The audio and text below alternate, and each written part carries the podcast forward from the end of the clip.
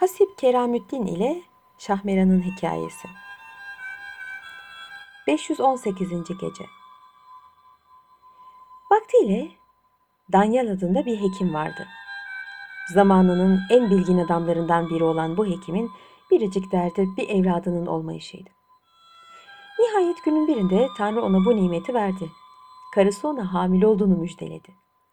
Buna çok memnun olan Danyal Hekim çoktan beri yapmaya hazırlandığı fakat can sıkıntısından geri bıraktığı bir deniz seyahatine çıktı.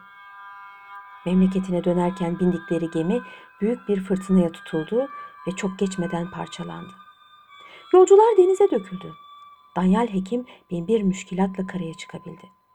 Bütün eşyaları ve bilhassa çok önem verdiği kıymetli kitaplarının hepsini kaybetti. Bunlardan ancak beş yaprak kurtarabildi. Hasta ve bitkin bir halde ailesinin yanına dönen Danyal, hamile olan karısına. Öyle anlıyorum ki ben artık hayatımın son günlerini yaşıyorum.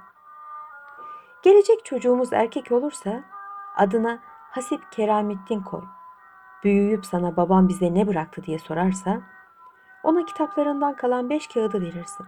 Onları okusun kafi zamanın en büyük alimlerinden biri olur dedi. Danyal o günden sonra çok yaşamadı. Karısının gözyaşları arasında hayata veda etti. Bir ay geçmemişti ki kadıncağızın bir erkek çocuğu dünyaya geldi. Artık o kocasının ölümüyle duyduğu teessürü unutmuştu. Bir erkek evlada sahip olmanın verdiği sevinç ve memnuniyet neşesi içinde yüzüyordu. Kadın Hasip Keramettin adını verdiği oğlunun terbiyesi için ne lazımsa yaptı. 7 yaşına basınca mahalle mektebine verdi. Fakat yıllar geçtiği halde çocuk hiçbir şey öğrenemedi. Bu hususta babasına benzememişti. Oğlunun adam olamayacağını anlayan kadın onu mektepten çıkararak bir sanata koydu. Fakat orada da beceriksizliğini gösterdi. Annesini ve ustasının öğütlerine, tehditlerine kulak asmadı. Gören komşular annesine şu tavsiyede bulundular. Senin oğlun ne okumak ne de sanat öğrenmek istiyor. Böyle boş gezmesi de doğru değil. Onun için sen ona bir baltayla bir merkep al. Bu işle uğraşan oduncu mahalle arkadaşlarıyla beraber ormandan odun kesip şehirde satsın. Hem sana yardım olur hem de serseri gezmekten kurtulur. Bunun üzerine kadın oğluna komşuların dediklerini söyledi. Hasip Keramettin bu teklife itiraz etmedi. O gün arkadaşlarından biriyle çarşıya gidip iki merkeple bir balta aldı. Ertesi sabah erkenden mahalledeki oduncu arkadaşlarıyla beraber ormana gidip bir hayli odun kesti. Odunları güzelce merkebe yerleştirdi ve onların hepsini sattı. Onları satıp parasını da annesine verdi. Böylelikle işe alışan genç çocuk hayatını odunculukla kazanmaya başladı. Gecenin sona erdiğini gören Şehrazat hikayesini burada bıraktı.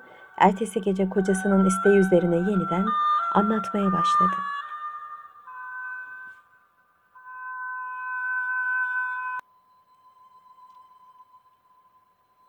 ...519. gece. Günün birinde Hasip birkaç arkadaşıyla adetler üzere dağda odun keserken birdenbire bardaktan boşanırcasına yağmur yağmaya başladı. Hemen o taraflarda bulunan bir mağaraya sığındılar.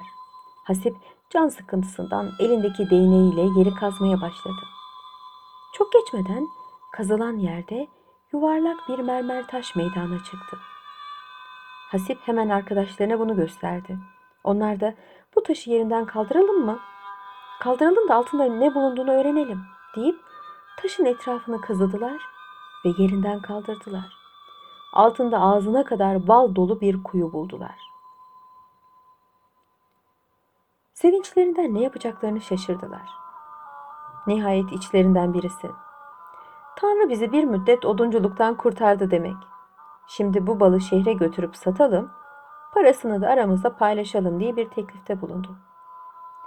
Hepsi bunu muvafık gördü.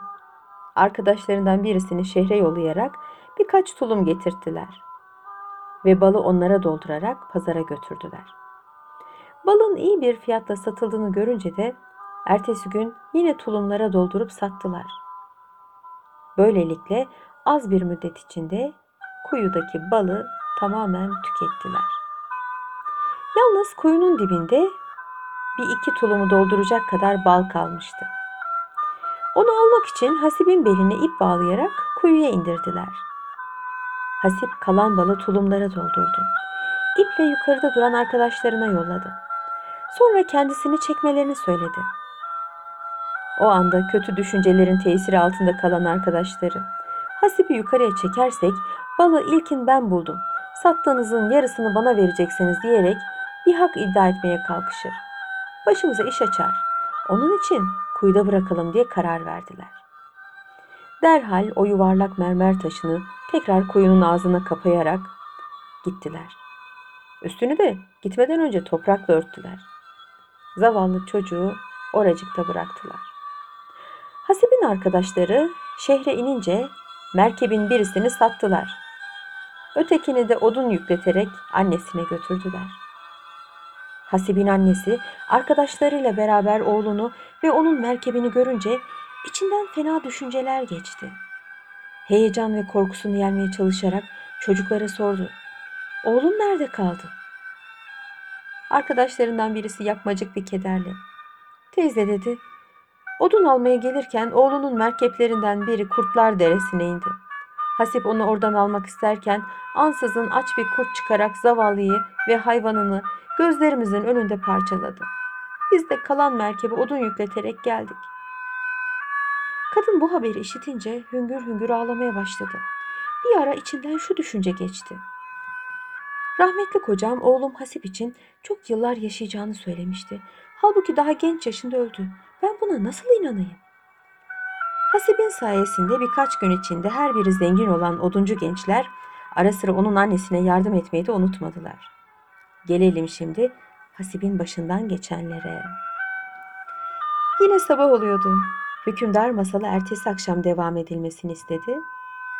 Şehrazat da yarıda bıraktığı masalına ertesi akşam şöyle devam etti.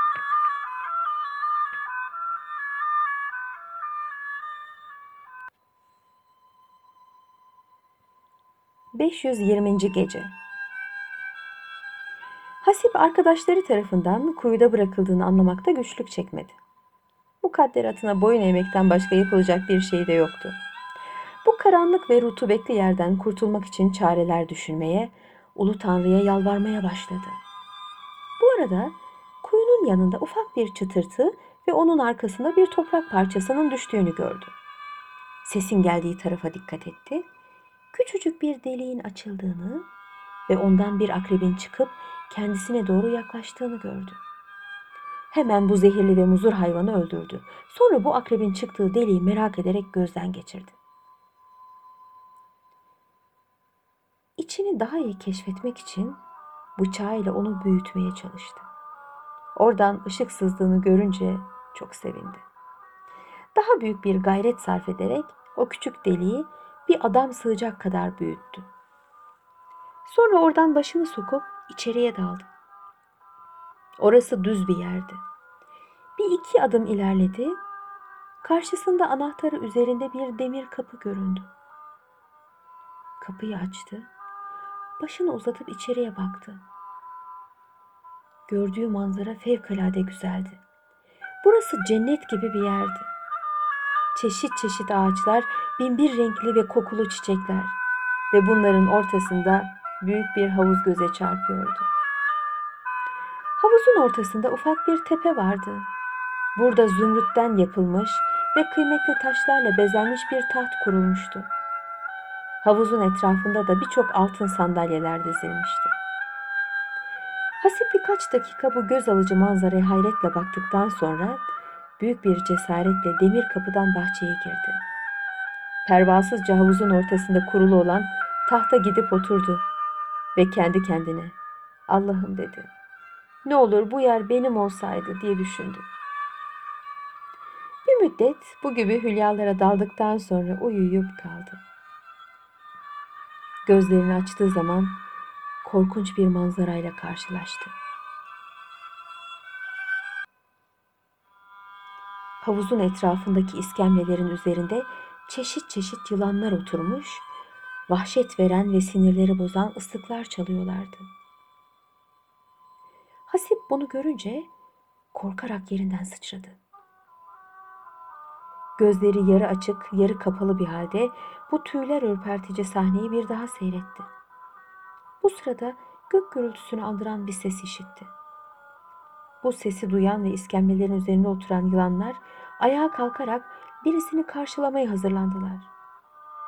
Çok geçmeden kocaman bir ejderha Hasib'in bulunduğu tahta yaklaştı. Bu ejderhanın başı üstünde mücevherlerle süslü bir tepsi vardı. Tepside insan başına benzeyen küçük beyaz vücutlu bir yılan yatıyordu. Ejderha tahta varınca başındaki tepsiyi orada bıraktı. İçindeki yılan o sırada dile geldi. Hasibe hitap etti. Ey aziz misafir! Safa geldin. Sakın kalbine korku gelmesin. Bu taht Tanrı'nın verdiği sonsuz nimetlerden birisidir. Bu gördüğün yılanların hükümdarı benim. Hepsi de bana tabidir. Benim asıl adım Yemliha'dır. Fakat herkes bana Şahmeran der. Benden ve mahiyetimdeki mahluklardan sana fenalık gelmez dedi. Sonra halis altından yapılmış tabaklar içinde envai çeşit meyveler getirdiler. Şahmeran meyve tabaklarında misafiri bulunan Hasib'in önüne sürerek buyurun beraber yiyelim dedi. Karnı çok acıkmış olan Hasip bu meyvelerden fazlasıyla yedi. Biraz sonra Şahmeran ona sordu. Ey Ademoğlu, söyle bakalım bu yerimize nasıl ve ne niyetle geldin? Hasip derhal büyük bir hüsnü niyetle başından geçenleri bir bir anlattı. Bunun üzerine Şahmeran telaşe düştü. Demek insanlar bizi yine rahatsız edecekler. Yerimizi de buldular ha. Bu fena haber. Hasip o kuyu benim ambarımdı dedi. Hasip ise onu teselli etti. Sizin burada bulunduğunuz kimsenin hatır ve hayaline gelmez ki. Bu kuyuyu bilenler beni oraya attıkları için suçları meydana çıkar diye buraya kolay kolay sokulamaz. Boş yere meraklanmayınız. Şahmeran başını sallayarak, Hasip kardeşim dedi. İnsanoğlu çok tuhaf mahluktur. Hile ve oyunu çoktur. Emin ol ilk defa beni gördüğün zaman nasıl ürktünse ben de seni görünce telaşe düştüm. Çünkü benim vaktiyle Ademoğlundan bir kuyruk acım vardı. Beni yakalayıp hapsetmişlerdi. Az kalsın beni öldürüyorlardı. Yalnız ecelim daha gelmemiş olmalı ki zar zor canımı kurtardım. Fakat yine senin dediğine inanıp tehlikenin bulunmadığına kani olacağım. Şehrazat bu meraklı hikayesini burada kesmek zorunda kaldı. Çünkü artık sabah olmuştu. Hükümdarın isteği üzerine ertesi gece sözlerine şöyle devam etti.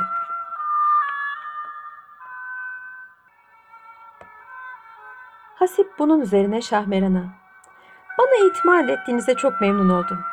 Yalnız sizden bir dileğim var. Ben size başımdan geçenleri anlattığım halde siz bana maceranızı nakletmediniz. Ne olur anlatsanıza dedi. Şahmeran gülümseyerek Hasip'in arzusunu yerine getirmek maksadıyla macerasını anlatmaya başladı.